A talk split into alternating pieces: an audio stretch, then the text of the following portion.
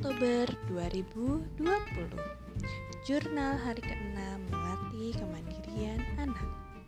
Bismillahirrohmanirrohim Hari ini aku sudah bertekad.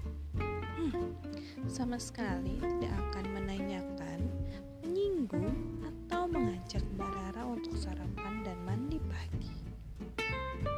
Hasilnya. Mbak Rara baru selesai mandi pagi tepat saat azan subuh. Luar biasa. Hmm, beda dengan mandinya yang dia lupakan dan malah berkata hmm, mungkin Mbak mandinya sore aja. Ya untuk sarapan pagi Rara malah paling semangat. Semua karena melihat ayahnya sarapan saat mau berangkat kantor. Lalu ikut-ikutan lapar kayaknya. Jadi pengen ikut makan. Tapi masih ada manja-manjanya dikit. Malah minta disuapin dan ya karena ayahnya terburu-buru mau kerja malah mengiyakan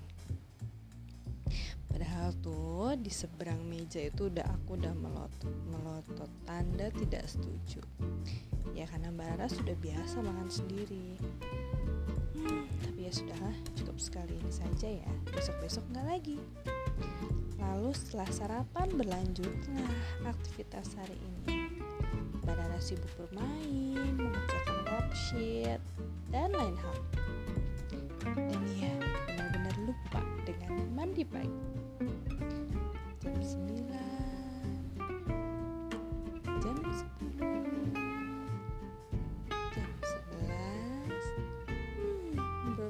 Ketika dia merasa sepertinya sudah siang dan melihat jam, aku bertanya kenapa mbak?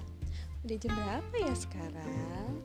Terus dia cengengesan hehehe jam 11 kenapa ya kalau jam 11 tanya aku lagi. Terus dia cengar-cengir lagi. Ih mbak Dada belum mandi.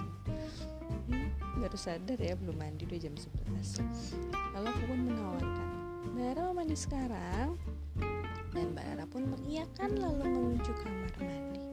Dan kemudian sudah mandinya siang dia masih berendam tuh di ember setelah mandi. Dan barulah keluar setelah azan. Luar biasa masya allah. Ada nampaknya metode mendiamkan hingga sadar sendiri juga masih belum tepat ya. Baiklah saya akan mencoba mencari metode lagi yang baru untuk keesokan. Semangat